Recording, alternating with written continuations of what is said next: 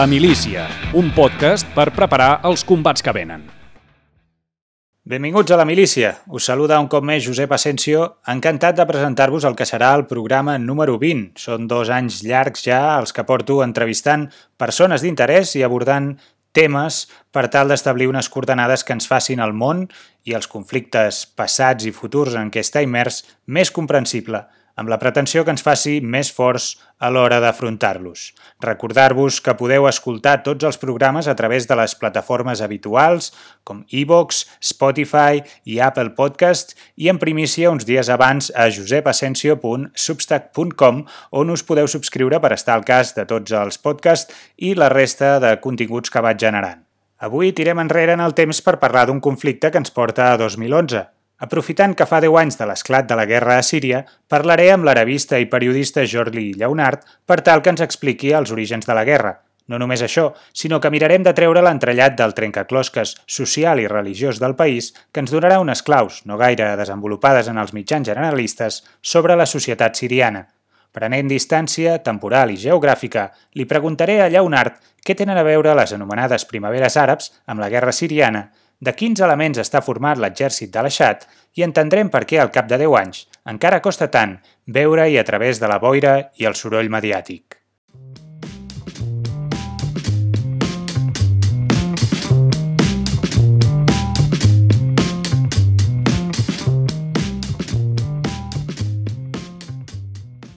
Jordi, benvingut a la milícia i gràcies per atendre la meva trucada. Gràcies per haver-me trucat. S'agraeix que pensin en un. Han passat 10 anys eh, des que va esclatar eh, la guerra de Síria.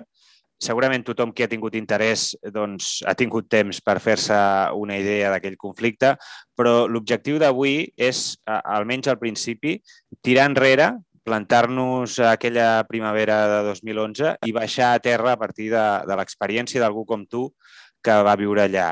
El relat que tenim eh, almenys eh, la versió oficial eh, que més eh, s'ha prodigat, és que el que passava a Síria formava part eh, de l'anomenada Primavera Àrab, una revolta popular que, que va tenir lloc a diferents països. Eh, de fet, eh, ho comentàvem abans eh, per preparar el podcast d'avui, que justament eh, circumscriure-ho a, a la primavera àrab doncs, tampoc és del tot eh, exacte perquè en el mateix temps eh, es produïa el 15M a, aquí a la, a la península, a, a Estats Units hi havia l'Occupy, una mica més tard, em sembla, però bé que a, en aquesta, diguéssim, en el relat que ens han, que més eh, s'ha fet servir, eh, el que es diu és que el conflicte de Síria doncs, sorgeix també d'aquesta primavera àrab, una revolta popular contra un règim autoritari, en aquest cas seria el de Bashar al-Assad,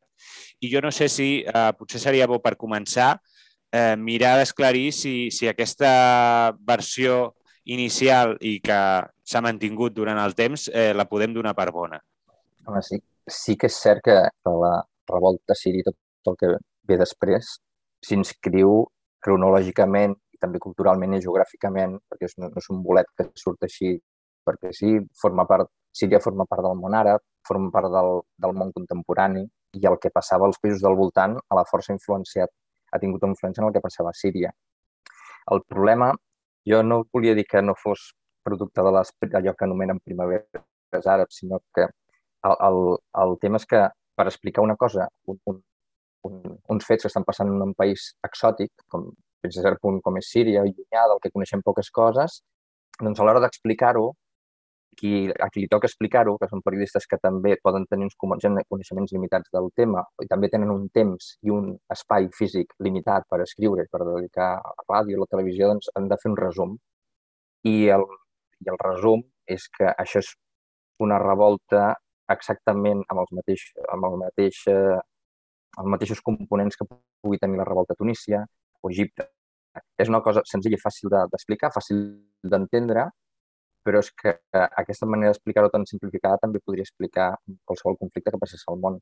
Jo el que eh, sí que forma part de les primaveres arabes, però Síria, eh, més que per les causes, les conseqüències eh, han estat molt diferents d'altres països de la zona per la mateixa composició social, ètnica i les característiques pròpies que té Síria. Per tant, no, no, volia dir no, que no formi part de les primeres arts, però és un, és un cas molt diferent de la resta. Sempre se es parlava d'allò del, del dominó, efecte dominó, cau un, cauen tots, com si tots estiguessin lligats, si no tots els països estan lligats, perquè cada, un, cada país és molt diferent. Només pensa la distància física que hi ha de, del nord d'Àfrica, de Tunísia fins a Síria. És com si ens estiguéssim comparant amb una revolta que té lloc a, a Ucraïna. I dius, home, no és el mateix, ja, però és que la distància física és la mateixa i la distància cultural depèn de com o enfoquis també pot ser la mateixa que separa Catalunya d'Ucraïna. Deies que les conseqüències eh, no han sigut les mateixes. No sé si podríem repassar, diguéssim, amb, amb el, amb l'avantatge que ens dona eh, poder-ho explicar al cap d'uns anys, eh, quin resultat ha tingut.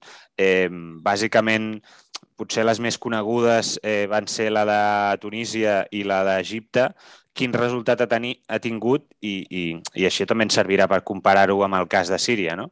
Sí, o fem un comentari primer de què va passar, com va sorgir, no? breument. Que, sí, sí, que, allò, endavant. Que, com va, què, què va passar fa, ara, això 10 anys, que és el que es commemorava eh, fa poc, al, al març, el desè aniversari de l'inici de tot allò que va portar o va, des, de, va degenerar desembocant la guerra civil que està castigant el país, ha estat castigant el país durant 10 anys. Això el 2011, al març, hi va haver unes manifestacions de protesta contra, primer per la situació econòmica i en un país com Síria, que és una dictadura, portaven 40 anys de dictadura, doncs eh, el, quan hi ha un malestar social al carrer, el tema que sigui, ja pot ser eh, un tema veïnal, com un tema més greu, com el tema de la de la, l'atur, la situació econòmica del país, doncs, quan la gent es manifesta en, en un país tan, tan un règim tan dictatorial com el de Síria, als pocs minuts afloren, sorgeixen totes aquelles coses que estan amagades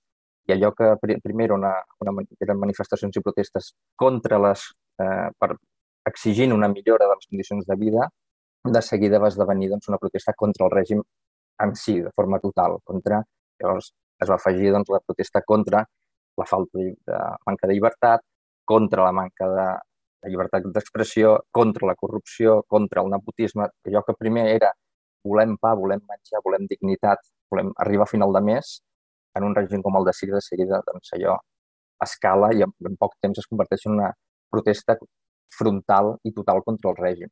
Un, un dels detonants, eh, ho comentaves en, en un article antic eh, d'aquella època, Eh, no sé si l'expressió de dir-li la primera, el primer conflicte causat pel canvi climàtic, això seria, potser és, és molt sensacionalista, però sí que un dels detonants, eh, comentaves en aquest article, era una greu sequera que, que durava molts anys i que va causar molts problemes.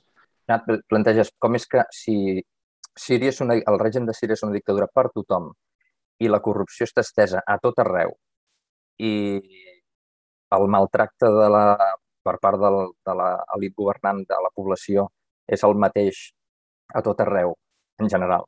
Doncs com és que ha esclatat en aquesta ciutat i en una altra? Potser és per casualitat, potser és per circumstàncies que se'ns escapen, potser és perquè algú en aquesta ciutat... Ara estic una mica especulant en plan molt fent comentari una miqueta així de cunyat, però potser en aquesta ciutat algú és més espavilat que el del costat i es va manifestar el, el dia abans que el, van començar aquí, abans que el costat. El fet és que sí que alguna circumstància especial d'aquesta zona del sud de Síria, aquesta ciutat d'Era, d'Ara on van començar les manifestacions més grans i, més, i de forma més continuada. És una zona agrària que fa frontera amb... es dediquen a l'agricultura, és una zona que fa frontera amb Jordània. El fet de tenir tan a prop la frontera fa que tota aquesta regió sigui una zona d'aquestes de seguretat especial, que per qualsevol cosa es demana permís a les autoritats militars pertinents. Llavors, a sobre que ja els costa arribar a final de mes tots són, i que la burocràcia d'aquests països ja és demencial, aquí encara es multiplica molt més, i a més a més hi portaven doncs, tres o quatre temporades d'una sequera molt important i la situació era delicada. I a més a més, a aquesta regió del sud del país, en poc temps hi havia arribat fins a aproximadament un milió d'habitants de zones agrícoles més eh, orientals que portaven molt, moltes més temporades de sequera. Ells, a veure, portaven 3-4 anys de sequera important, però a les regions més a, més a Orient, més a prop, anat tirant cap a l'Iraq, portaven quasi una dècada de, de sequera. I d'aquestes regions, ha estat emigrant gent durant anys, anys, anys, fins a un milió de persones s'han desplaçat en pocs anys de zones més interiors cap a Dera. Doncs això, jo no dic que això, fa, això no és la causa que fa que Dera exploti, però quan hi sumes tots els greuges que pateix qualsevol poble del país més, la situació delicada especial d'aquesta regió més, la situació delicada pel tema meteorològic més, que és una regió que ha acollit un milió de persones en pocs anys, mm. doncs això fa que esclati. A més a més, hi ha coses que, són, que criden l'atenció i són potser menys rellevants, però tenen la seva importància perquè som persones i de vegades les coses menys rellevants toquen més la fibra i tenen el seu pes també. A, a Dera va haver algunes manifestacions, llavors un, un grup de nanos que tenien 13-14 anys van sortir a fer pintades per, al vespre, van fer pintades per la ciutat i els van enganxar i els van torturar, que és una cosa que s'ha comentat aquí als mitjans de comunicació perquè crida l'atenció. Uh -huh. I encara que sigui, pots dir que és irrellevant el fet que uns nanos siguin torturats per fer unes pintades en el context d'una guerra civil on han mort centenars de milers de persones, sí que jo trobo que sí que és rellevant, no és, no és el detonal de la guerra, però i, i sumes totes les desgràcies i, a més a més, que els primers en rebre físicament el cop de, de la repressió que eh, augmentant en aquell moment són nanos petits, doncs tot això va, sum, va sumant, va sumant, va sumant i fa una bola doncs, imparable. Allò que va començar sent la manifestació de la gent, realment era la gent que estava farta de tot. Allò, la gent vol arribar a final de mes, la gent vol tenir menjar, vol tenir un futur, doncs es converteix, com et deia, en un, en un país que portes 40 anys d'una dictadura que no et deixa fer res, doncs de seguida la gent quan surt al carrer doncs explota i llavors ja surt tot.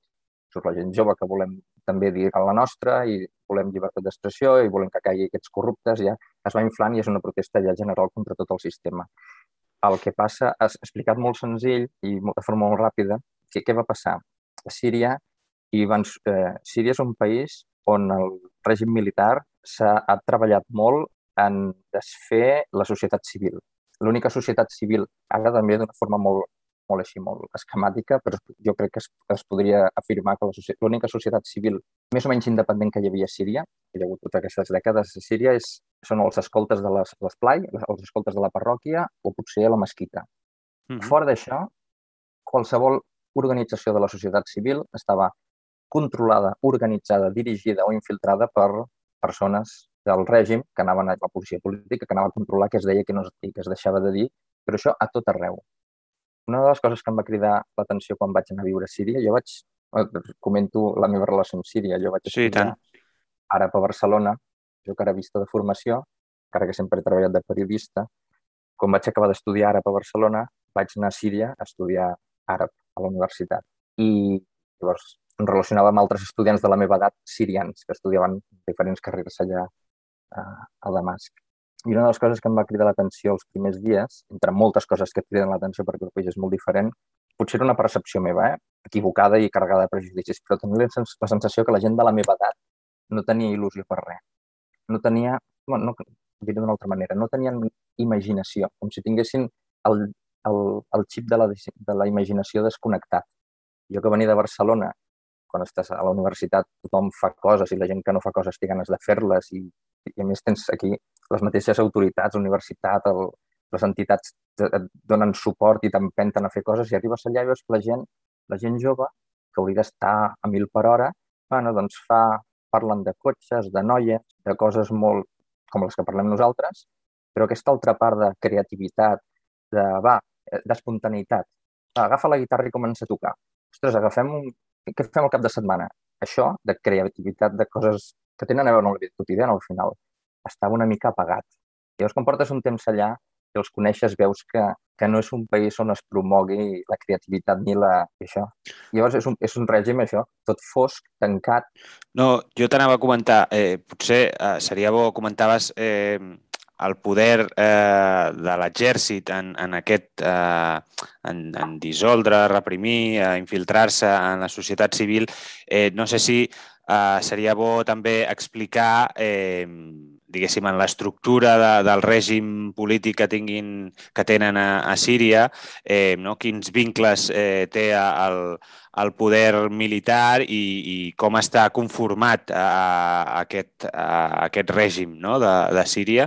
Eh, T'ho explicaré a partir de dues anècdotes dos, dos, dos fets, vivències personals, que lligats tenen més sentit. Uh, quan El primer, quan, quan tot això de, la, de les manifestacions a Síria va començar, que es va, es va revoltar mig país i poc després l'exèrcit, les forces de seguretat, l'exèrcit i els paramilitars i la gent que té pistola que dona suport a la policia secreta, el que sigui, tothom amb arma a favor del govern va començar literalment a disparar, a matar els manifestants. Vaig assistir a un acte a l'Institut Català de la Mediterrània sobre el tema, sobre Síria, i en el torn de preguntes una persona del públic que es va presentar com un ciutadà de Síria que viu fa molts anys que viu a Catalunya, va dir una cosa que em va cridar molt l'atenció i a partir d'aquí veuràs perquè després t'explico el que t'explico.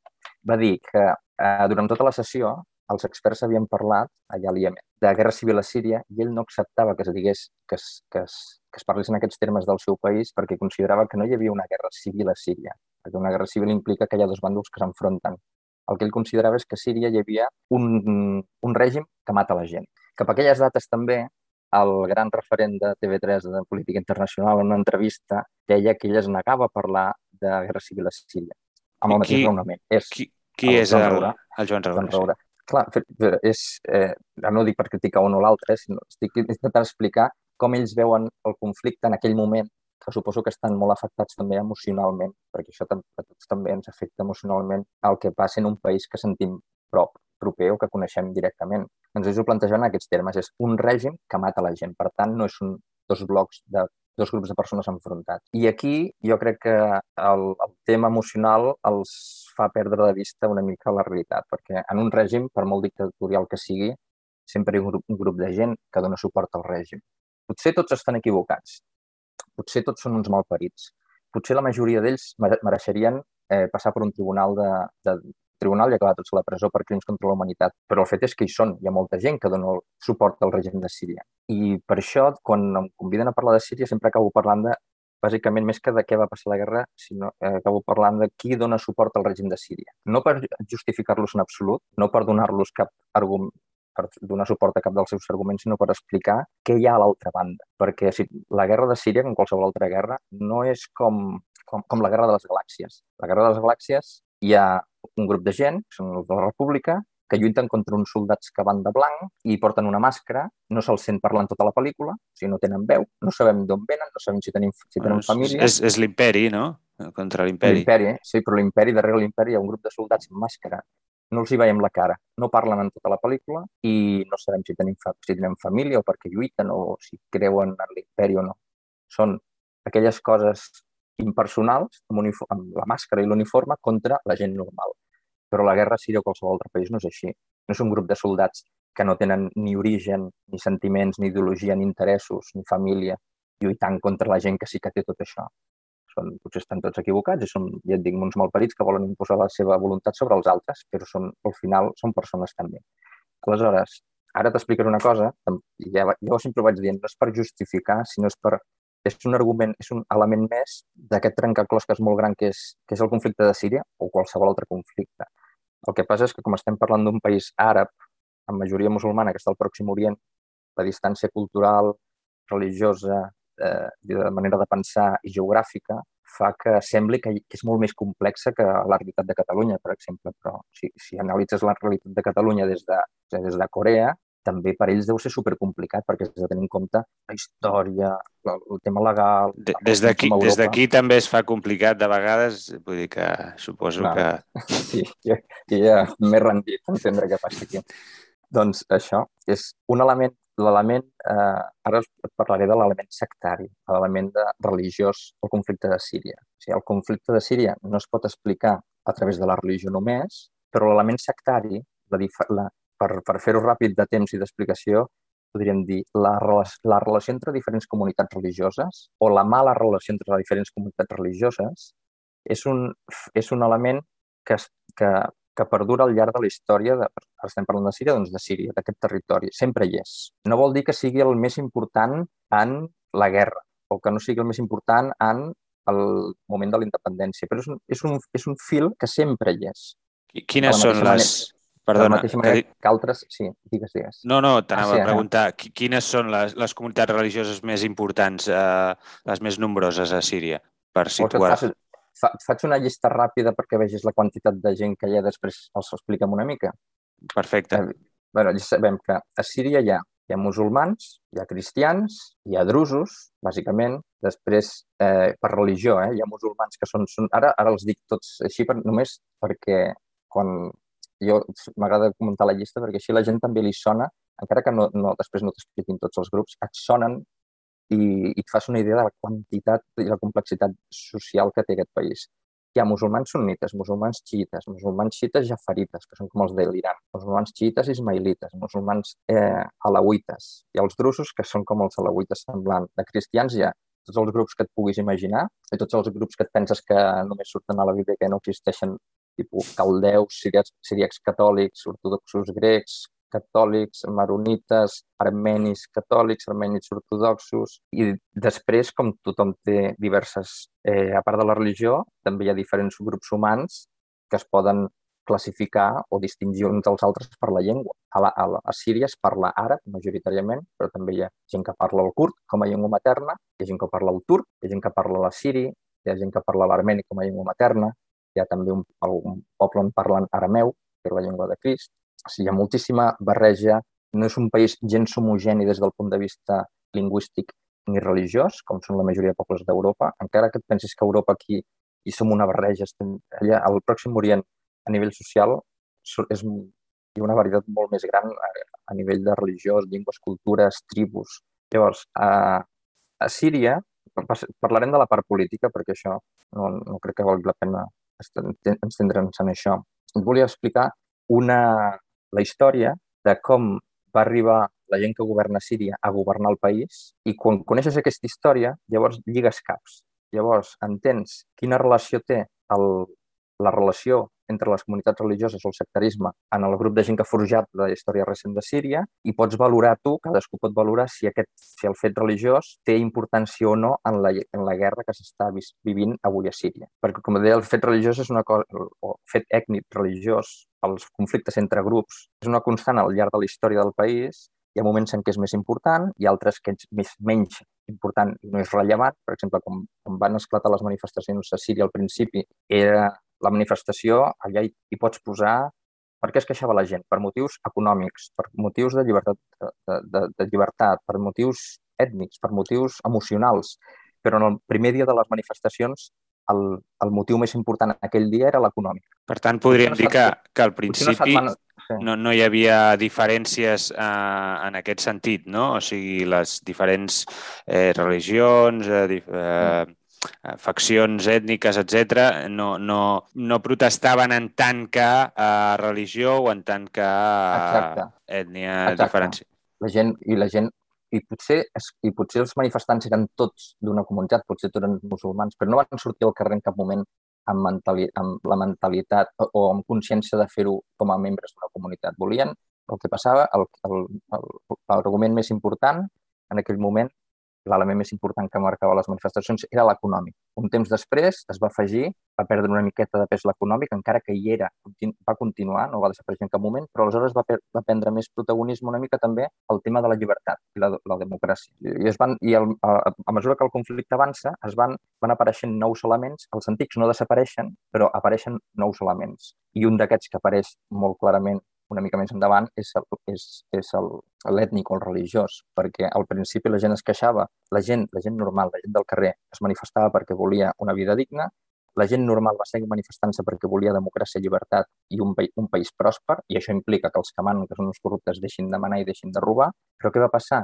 Com t'he explicat abans, a Síria era un país on no hi havia societat civil independent, i en el moment que la gent surt al carrer, tota aquella energia, qui la vehicula? Qui, si no hi ha, no hi ha una persona, aquí, el que passaria com aquí a Europa o el que va passar a Tunísia, tu tens, tothom té un grup de, de WhatsApp de, de, del grup de veïns o de l'esplai o dels amics de l'escola o d'una associació, d'una entitat. Hi ha el, el club de fans del que sigui, els socis del Barça. La, gent, la societat està organitzada i tothom coneix un grup de gent on pot, amb, només amb un clic, enviar un missatge, organitzar-se. A Síria això no existia. I aleshores, quines eren les úniques persones realment organitzades però en la dissidència, en la il·legalitat? Doncs els grups, eh, això que diuen dels, dels islamistes radicals. I els islamistes radicals tenen un discurs molt clar que atreu a la gent, tenen diners i recursos i, a més a més, eren els únics que estaven, a part del, de la gent fidel al règim, els únics estaven organitzats. La gent normal no estava organitzada de cap manera. I aleshores què passa? Quan el govern comença a reprimir les manifestacions a trets, els únics que els hi poden plantar cara, perquè estan organitzats, poden convocar la gent immediatament i tenen armes i recursos humans i econòmics, són aquests barbuts islamistes radicals que tenen el suport del, de, dels països del Golf Pèrsic. I aquí comença ja pròpiament la guerra. La gent normal surt de l'escena, segueix patint la guerra durant tots aquests anys, però ja no són protagonistes del que hi passa, i el protagonisme de l'acció, qui decideix què passa, recau un cost, en un costat dels grups aquests que volen imposar la seva visió de l'islam i de l'altre els grups que donen suport al règim. Perdona que... Bueno, M'he anat una mica del fil, eh? Sí, no, per... això de com van per... arribar aquests a Mana. Exacte, jo volia reconduir perquè ens hem quedat aquí a, amb, amb aquest punt que deies que també servia per explicar eh, com evolucionava després eh, la guerra, com arriben al poder eh, als, a l'Aixat, perquè al final eh, tampoc eh, no deixa de ser la família Bassa. una nissaga, no? Bueno, una... Sí, de forma esquemàtica o caricaturesca, si vols, perquè de, no, no de broma, sinó vull dir de, de simple. És el president de Síria forma part d'una comunitat religiosa, bueno, comunitat, ell, ell, és membre, és, ell professa una religió que es diu alauisme, ell és alauita. Els alauites són una branca del xisme.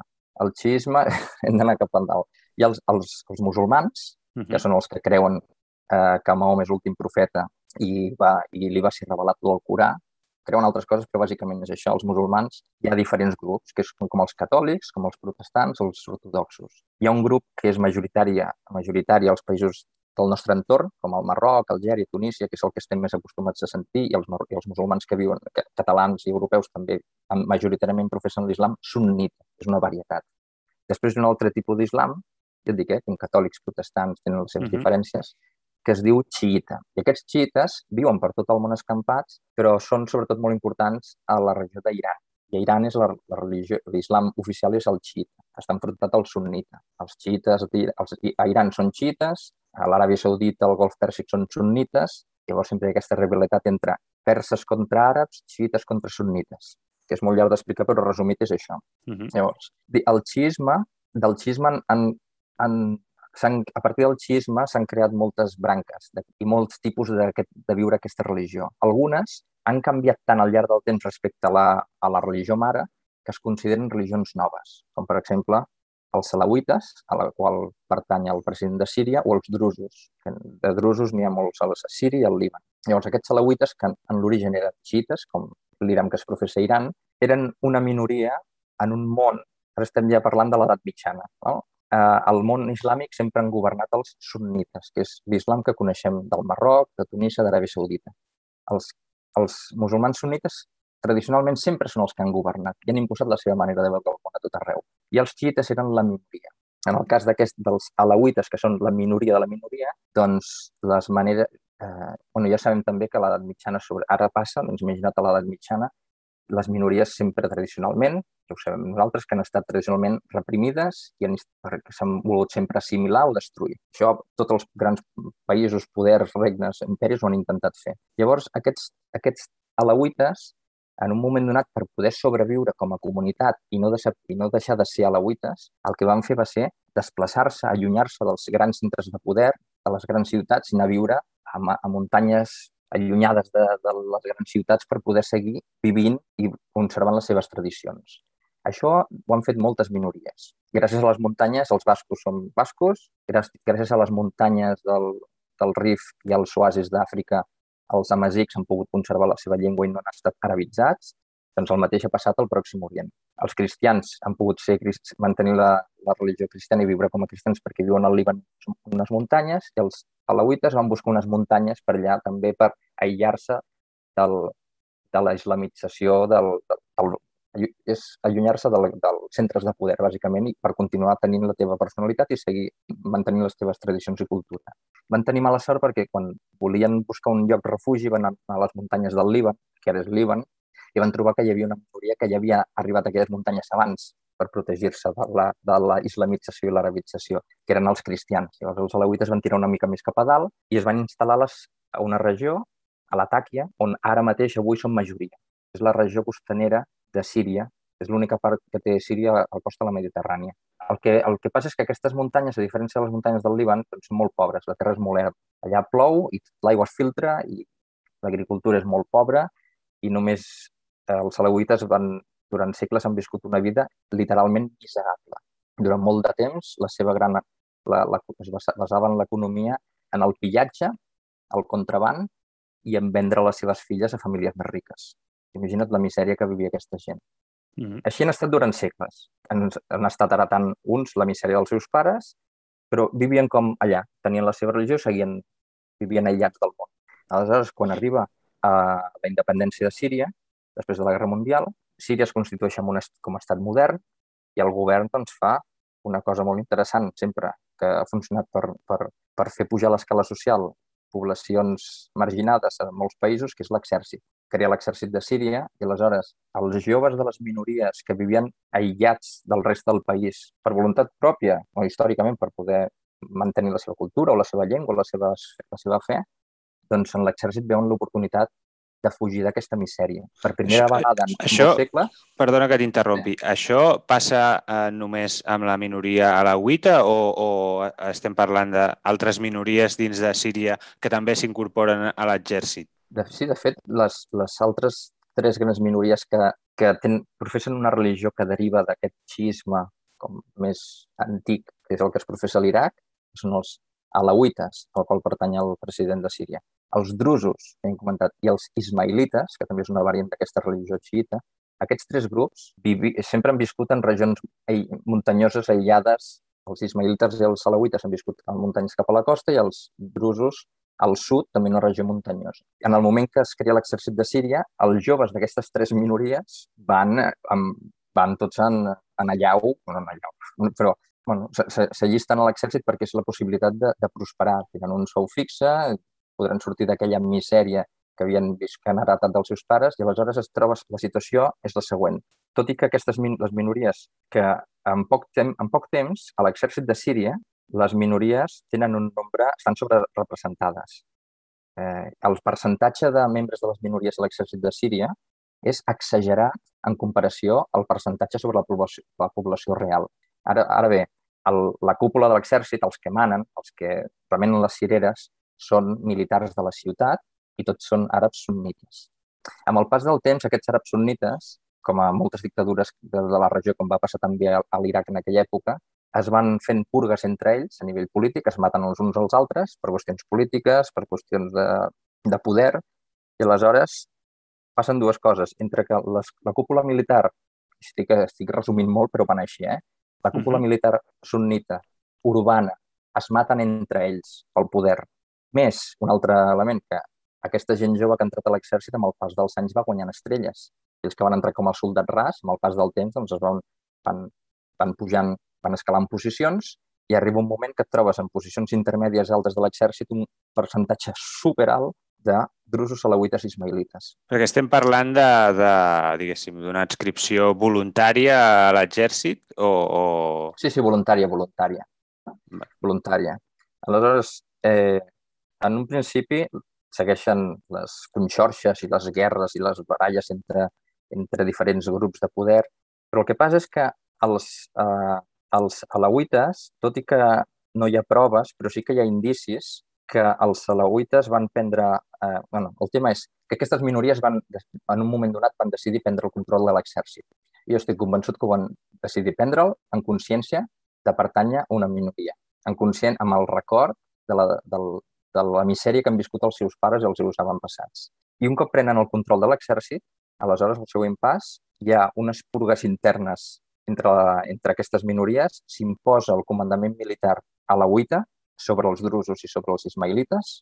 Perquè, clar, això ja. també és... T'ho anava a preguntar. Imagino, imag, llarg, imag, eh? imagino que entre a, aquestes tres minories també estaven a matar, o, o, o no? Ah, va a èpoques, va a èpoques. Quan, quan l'enemic és un altre, doncs va junt, i quan l'enemic ja ha desaparegut, doncs l'antic amic es converteix en enemic. Uh -huh. Vull dir que hi ha, hi ha tot, quan llegeixes i t'expliquen tot aquest tema, hi ha molt tema de, de temes de personalistes i d'interessos econòmics i tal, però hi ha una constant, que és la gent que pertany a una comunitat religiosa, a l'exèrcit fa pinya contra les altres. Llavors, a mi ja m'ho poden vendre com tema ideològic, però dius aquí, aquí el que, el, l'element que defineix la unitat d'aquest grup, d'aquests que fan un cop d'estat, d'aquests que lluiten contra els altres, és la, el tema religiós. I aleshores, quan els, els, els coronels, els generals a la UITA s'imposen sobre els altres, decideixen prendre el control de l'Estat. I aquí és quan, el que et deia, no hi ha proves, però hi ha indicis, i, i, i encara que no, sigui, no hagués passat i sigui mentida, és bastant creïble que podria haver anat així. I hi ha gent que diu que en aquesta època es van fer reunions a la província on originària dels salauites. Aquesta època, en, per... en, quan, en quin any estem parlant? Més o menys? Anys 60. Anys 60. Anys 60. Anys 60 i anys 70. Doncs es van fer reunions els, els generals salauites on hi participaven cap, caps tribals salauites i caps religiosos salauites. Això són coses que es diuen potser per desprestigiar els salauites, però jo trobo que encara això, encara que no existissin aquestes, no es fessin aquestes reunions, és molt probable, per com ha anat tot i coneixent el que ha passat, que els alauites, i jo estic convençut els alauites van prendre el poder amb consciència de prendre el poder com a membres d'una comunitat, comunitat religiosa. Si no, no s'explica que, que, no, que no demanin ajut als altres, que ho facin només els alauites acaparen tot el poder i foten fora tots els altres membres de les altres comunitats. I així és com Hafez al-Assad, l'any 70, va arribar al poder de Síria. Ell era president, estava envoltat de gent, la gent de màxima confiança, excepte alguns, algunes excepcions. Sí que hi havia algun amic de la seva infància que és sunnita, urbà, però la immensa majoria del, del, del gruix de la gent que, que controla el país des d'aleshores forma part de la mateixa comunitat religiosa, són alauites. I va morir l'any 2000 i va heretar el càrrec al seu fill. O sigui, Hafez al-Assad està envoltat de cosins, cosins germans, germans de llet, veïns de tota la vida, membres de la tribu del seu pare, i aleshores, si t'explico, en aquest moment, en aquest punt, podríem comparar què va passar a Tunísia i a Egipte per veure fins a quin punt aquest tema sectari o religiós sí que ha tingut pes en la història de Síria. La Guerra Civil de Síria no és una guerra exclusivament sectària, tornem a l'inici, però el règim de Síria tal com el coneixem i les persones que dirigeixen aquest règim han arribat al poder a través d'una guerra sectària cosa que jo crec que ells no són prou conscients. Uh, quan la gent parla del sectarisme a Síria només veuen els barbuts i els, i els wahhabites i els islamistes radicals, però no se n'adonen que el, el règim, en el seu, la seva llavor, en el, sí, en l'àtom més de, de el, la raó de ser, de, de com està muntat i, i de qui mana, doncs va sorgir així, tema sectari. I, I per què ho vincules, eh, diguéssim, amb, amb el resultat que hi va haver a Tunísia i a, i Egipte. Mira, sí. Comencem a Tunísia, ens traiem de sobre, després comentem amb Egipte. Bueno, Egipte, Egipte, sí, Egipte, comentem, si comparem el tema de Síria amb Egipte. Egipte va, també va haver unes manifestacions molt grans, una protesta general contra el règim, hi va haver pressions molt grans exteriors i interiors, interiors per les manifestacions i des de fora, des de, des de, des de la premsa fins, fins a estats, fins a organismes internacionals sobre el règim de, sobre els dirigents d'Egipte de, per fer un canvi, oi?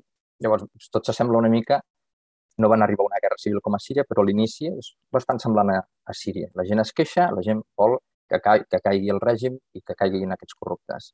La diferència és que a Egipte, quan, després de tota aquesta pressió interna i externa, ara, ara faré un comentari així molt també, et dic de cunyat, però jo crec que a mi m'ajuda molt a entendre entendre la diferència entre un país i un altre i posar les coses al seu lloc, encara que el que diré és com acadèmicament doncs, no s'aguanta per enlloc, potser. També la manera com ho expressaré. A Egipte manaven, manen els militars. Aleshores, el, el president d'Egipte era Hosni Mubarak, que era un militar, que estava envoltat dels seus col·legues, companys de tota la vida, militars, com ell.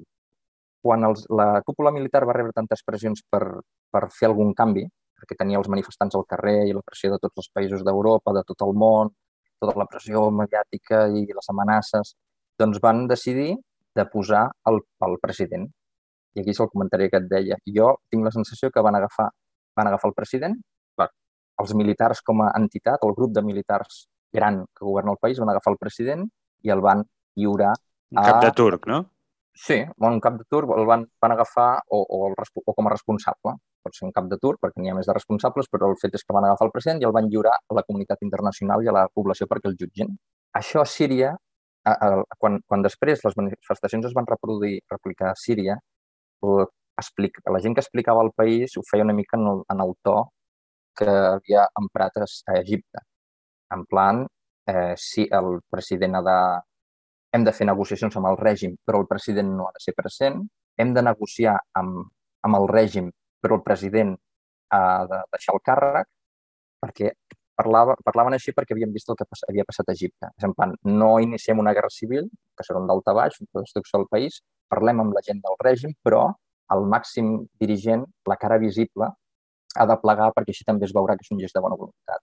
Doncs això a Síria no podia passar perquè a Egipte els militars van agafar Hosni Mubarak, que era un, pot ser un company de tota la vida que te l'estimes molt, però no deixa de ser com la família política, era un col·lega. Hosni Mubarak, respecte als altres militars, era un col·lega. Mm -hmm. És com la família política, que no acaba ser, de ser mai família del tot. Doncs això, en canvi a Síria, ells sí que estan, estan envoltats de família directa. Si cau a l'Assad, ha de caure tothom.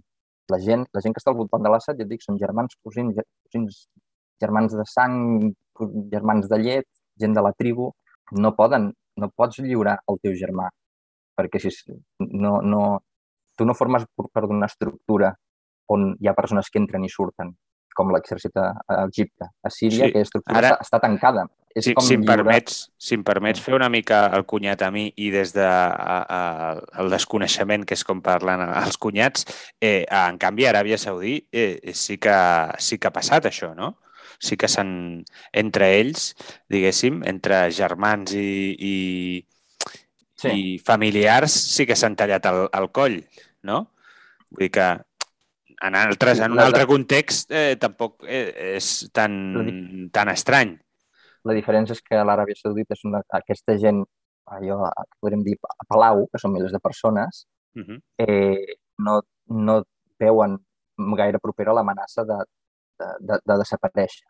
Vull dir, no, ells poden triar el, poden fer aquestes, coses, aquestes conxorxes internes, però el Palau o la Casa Reial com a sí o la monarquia o tota aquesta classe dirigent no desapareixerà perquè protegis el, o perquè un cosí vagi a la presó o desaparegui. És com, és com a Egipte. Un element, una peça desapareix, una peça està castigada, se'l condemna, però la resta de l'estructura segueix en peu. En canvi, a, a Síria, i és el que deia de no justifico el que passa ni deixa, ni deixa de passar. Eh? però hi ha molta gent eh, que forma part del règim, que li dona suport, perquè creu que qualsevol alternativa seria potser la de la desaparició no, no del, del, seu, del seu nivell de vida, sinó d'ells com a comunitat. És el que deia, els, els, les minories tenen el poder, creuen que qualsevol canvi, és a dir, un canvi per les armes, que vol dir que imposarien un govern islamista radical com un canvi per les urnes, que imposaria a la majoria de la població, un canvi, posarien un govern decidit per la majoria de la població, que és musulmana, doncs les minories això ho veurien com una amenaça. No eh, és un tema econòmic i de poder, també podrien sentir-se amenaçats. Eh, mira, t'explico una anècdota, breument, que, que il·lustra això que et vull dir. Jo, quan, quan vivia a Síria, l'any vaig viure el, el 99 i el 2000, jo tenia una, una habitació llogada a, a una família cristiana d'un barri de la ciutat vella de Damasc, que es diu Bactuma, i un dia, la primavera del 2000, sento un soroll al menjador baix, estava al pis de dalt, i era una família que no feia mai soroll i em va cridar molt l'atenció sentir un soroll molt estrany. I vaig baixar, obro la porta i veig les filles, eren dues, davant de la tele, plorant com unes madalenes, una cosa, i no vermelles, que aquesta fa estona que sembla que se'ls ha mort la mare, i mir, estava mirant la televisió i a la televisió sortia un senyor de, de mitjana edat, molt elegant, amb corbata molt trist, que estava explicant, estava llegint un comunicat i deia que el president de Síria, Hafez al-Assad, havia mort. I jo veia, i dic, a veure, aquestes dues noies, que per tot el temps que porto vivint amb elles m'estan durant la pallissa de jo vull que Síria sigui com el teu país, volem que Síria sigui com Europa, que hi hagi llibertat, que la gent faci el que vulgui, que hi hagi possibilitats, que estigui obert per a, tant econòmicament, la llibertat d'expressió, que la gent digui el que vulgui. Aquestes noies que m'han estat dient sempre això, contínuament, ara ploren perquè aquest dictador ha mort. I aleshores la filla gran em mira i em diu, i ara què farem? Ja està. Només va dir això i ho vaig entendre tot.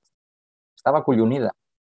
Estava, aquesta família cristiana sentia que si el règim cau, perquè el president mor i eventualment podria en poques hores haver algun canvi molt important, tenien por per les seves vides mateixes, per la, o fins i tot no per les vides, per la seva vida, però temen que si el, el país canvia molt, no vol dir que el, mateixin els cristians pel carrer, però si hi ha un canvi molt important i es democratitza o canvia, no, canvia el, el, la gent que porta el país, vés a saber, potser d'aquí 10-15 anys l'ambient ha canviat tant que és molt incòmode de, de viure pels cristians allà i hauran de marxar tots saps? Com a Iran, a l'Iran el règim diu no, els cristians no els matem, clar que no els mateu, ni els jueus tampoc, però l'ambient és tan t'ofega, t'escanya tant, que l'única opció que tens és agafar l'avió i marxar a Israel o marxar a Europa. Emigren perquè no et maten, però és que no són... No, ja, no, també els catalans ja ho sabem, no tots són tenir un plat a taula, hi ha coses més, també de vegades més importants. Vols respirar, vols opinar, vols viure i vestir com vols. Doncs teníem por, el, almenys els cristians que coneixia de Síria, d'una forma molt abstracta, eh? no estem pensant en res en concret, però estem acollonits que passaran amb nosaltres. Doncs eh, per això el règim de Síria és com és. I aquí les diferències amb, amb, amb Egipte. Per això va ser un error posar com a condició que plegui el president de Síria per començar les, les negociacions, quan a Síria la persona més, el, el portaveu únic representant que pot haver el règim és el mateix president. No és com a Egipte, que és un grup de militars i es poden triar els uns als altres. O com has dit, no és, no és Aràbia Saudita, on són, són germans i cosins que ni s'han parlat en sa vida, que ni es coneixen, perquè no han viscut mai junts i es poden triar els uns als altres. Aquí hi ha alguna cosa més que sí, que hi ha molta gent que pensarà en la posició econòmica i els diners, però després hi ha una classe popular que pertany a les minories que està donant suport incondicional a un règim que bombardeja població civil. Dius, que cruel. Sí, la vida és molt cruel i les pors... El problema de, del tema de Síria és que l'oposició, l'oposició vull dir de gent, gent digna, la gent digna que es manifestava, no, no estic parlant de l'oposició islamista armada, aquesta oposició no coneix aquestes pors. Els musulmans de Síria no saben, clar, és, és difícil no, no comparar-ho amb Espanya i Catalunya, però quan la, la gent que té la, la paella pel mànec, quan la situació està tranquil·la i calmada, no sap fins a quin punt l'altra persona està patint o té por del, del futur, o la incertesa del futur. I els cristians i els alauites de Síria tenen por perquè, tu imagina't, a Damasc mateix, t'imagina't que el teu avi t'hagués explicat que el seu avi de petit li havia explicat que, vale, són sis generacions, però el meu avi em va dir que el, meu, el seu avi, quan era petit, això és, això és veritat, no, el que diré, que va, va passar una cosa el 1860. Grups de, grups de musulmans van arribar al barri aquest cristià de Damasc i van començar a matar gent. Directament, eh? Hi havia un, hi ha tota una història dels fets en aquella època, però el que va passar en aquell barri, al barri cristià de Damasc, és que el 1860, en quatre dies, grups de musulmans armats amb matxets pel carrer van assassinar tants cristians com van poder. I en quatre dies en van matar 12.000. Llavors, posa't en la situació. Tu imagina't que a mi, el meu avi m'hagués explicat Sí, jo recordo el meu avi que em deia quan ell era petit, va viure tot això, van matar 12.000 cristians en quatre dies pels carrers de Damasc. Jo en, en el, tindria dins, encara que fos de forma inconscient, una por a qualsevol canvi. Ara el règim és molt dictatorial, però és com és i les coses són estables. Llavors, la gent que vol un, un, una Síria pròspera i democràtica i lliure, si no són cristians, no són xiites, en general no coneixen les pors del, dels seus veïns. I si les coneixen, les, les menys tenen. I si la gent que vol una Síria realment, com aquest senyor que es va aixecar a l'IEM a la conferència dient això no és una guerra civil, si ell en comptes de plantejar-s'ho així digués hi ha gent que dona el suport al règim de Síria. Una part és perquè són uns miserables i una altra part és perquè tenen por. Doncs jo vull escoltar-los, vull que m'expliquin quines pors tenen, llavors jo els convenceré que un canvi a una sèrie democràtica és bona per tots perquè serà inclusiva, no han de patir per res. Però aquesta explicació no la fan perquè no coneixen la por del veí. Diuen que no, tema religiós no és, és només ideològic. Llavors hi ha una, un malentès entre totes les parts que fa que, que la gent prengui postures estranyes com donar suport a un, un règim assassí. Ens ha quedat pendent el tema de Tunísia. Comparem amb Tunísia Sí, uh, sí, acabarem amb Tunísia. Eh, pràcticament és que hem, hem, hem acabat el temps. Eh, acabem amb això de Tunísia. No sé si vols afegir alguna cosa més. Al final ens ha quedat com una mena de masterclass eh, on tu ens has deixat molt clar, eh, diguéssim, la composició de, del règim i, i, i la composició religiosa, eh, social també de, de Síria, per la qual cosa jo trobo que per qui vulgui eh, doncs, aproximar-se a aquest conflicte, jo crec que és, és un punt de partida interessant i, i si més no, mm, que s'allunya una mica de, de, del dia a dia. Si vols acabem amb això de, de Tunísia, que és el que diferencia eh, sí. el, el resultat de Tunísia amb, amb el que ha passat eh, o el que està passant a, a Síria i amb això, si et sembla, acabaríem. I tant. No, breument. És un, és, un, és un país diferent que està molt lluny, però havent parlat de Síria i d'Egipte, té, té més sentit doncs, afegir també un comentari sobre Tunísia per, per veure les diferències del de, que ha passat a Tunísia amb el que ha passat a Egipte i el que ha passat a Síria, doncs coneixent-les encara té més sentit, li trobes, pots entendre millor la situació de Síria. Tunísia, a Tunísia és l'únic país on aquesta primavera àrab ha triomfat, perquè a diferència de la resta de països on hi ha hagut un conflicte molt gran que ha portat a la guerra, com Líbia, Egipte també el conflicte ha estat important, o Síria, o el Iemen, que ja és la destrucció total, Tunísia, molt resumit, Tunísia és un país que on, malgrat que hi havia una dictadura una, i repressió i la llibertat, la, la premsa estava controlada i el, el, el règim era supercorrupte, a diferència dels països del Pròxim Orient sí que hi havia una societat civil. Aleshores, quan la gent surt al carrer a manifestar-se, aquesta energia es pot canalitzar d'alguna manera perquè hi ha hi ha sindicats organitzats, hi ha partits polítics, es pot, pot, estar, pot, pot haver molts opositors a la presó i l'exili, però la societat civil existeix, hi ha xarxes de gent que es coneix. Llavors això es pot canalitzar d'alguna manera i és fàcil organitzar-se. A més a més, Tunísia, i per mi és el punt més important mm, respecte al que diferencia de la resta dels països, i per això crec que ha triomfat, Tunísia és un país petit i homogeni des del punt de vista eh, religiós, des del punt de vista racial, des del punt de vista cultural la immensa majoria de la població parla àrab i és musulmana i, de la mate i, i professen la mateixa branca de l'islam. Sí que hi ha un, alguna diferència entre poble i ciutat, però no deixa de ser gaire diferent del que trobaríem potser en alguns països desenvolupats més, més rics. Perquè a Tunísia la població és amb un percentatge molt, molt, molt alt urbana i aleshores aquestes rivalitats de tribus que si estàs al poble has de mantenir, quan te'n vas a la ciutat i han passat diverses generacions, ja el que diu la teva tribu, el cap de tribu, doncs a tu ja ni t'afecta ni res, perquè tu a la ciutat, tu, tu, tu vas, surts a prendre un cafè o t'ajuntes o et cases amb qui et dona la gana, amb qui tens més afinitat de gustos, no perquè siguin de la tribu tal o pasqual. I a més a més tothom parla el mateix idioma i, i, i aleshores a Tunísia sí que el conflicte ha estat estrictament ideològic. Allà sí que per voluntat pròpia tu podies ser d'un partit progressista i el teu germà doncs, ser d'un partit islamista. I això fa que el conflicte s'assenyeixi al camp polític de les idees i malgrat que va haver algun conat d'extrema violència per algun, algun, algun grup d'islamista radical, va haver eleccions, van guanyar uns i els, els que no eren islamistes van acceptar la derrota. Després van guanyar els islamistes, eh, van guanyar els altres i els islamistes van acceptar la derrota, perquè tot s'assenya al camp polític. I aleshores, entenent això i veient la complexitat eh, social dels altres països, llavors pots deduir que allò de les primaveres àrabs, tot i que tots forma part d'un context i, un, i el que passava en un país animava la gent del país del, del costat a manifestar-se, les conclusions no podien ser les mateixes perquè han anat per, per vies molt diferents cada un dels països. Perfecte, doncs amb aquesta conclusió eh, segurament si algú esperava que, que li expliquéssim el conflicte, el detall de, de com s'ha desenvolupat la guerra, doncs eh, no és aquest el, el seu programa. Eh, ja tindrem temps per, per parlar-ne per parlar més, eh, però trobo que doncs bé, ha sigut eh, molt, molt interessant i, i i que de vegades aquest aspecte, doncs, eh, que és més històric, més social, eh, sociològic, més aviat, eh, doncs queda més apartat i trobo que, que ha sigut molt interessant aquesta conversa amb en Jordi Lleonard, arabista, periodista, eh, corresponsal durant, durant anys eh, d'aquella zona.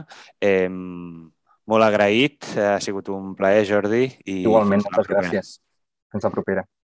I a l'audiència, doncs, també eh, us esperem al proper capítol. Gràcies per escoltar-nos.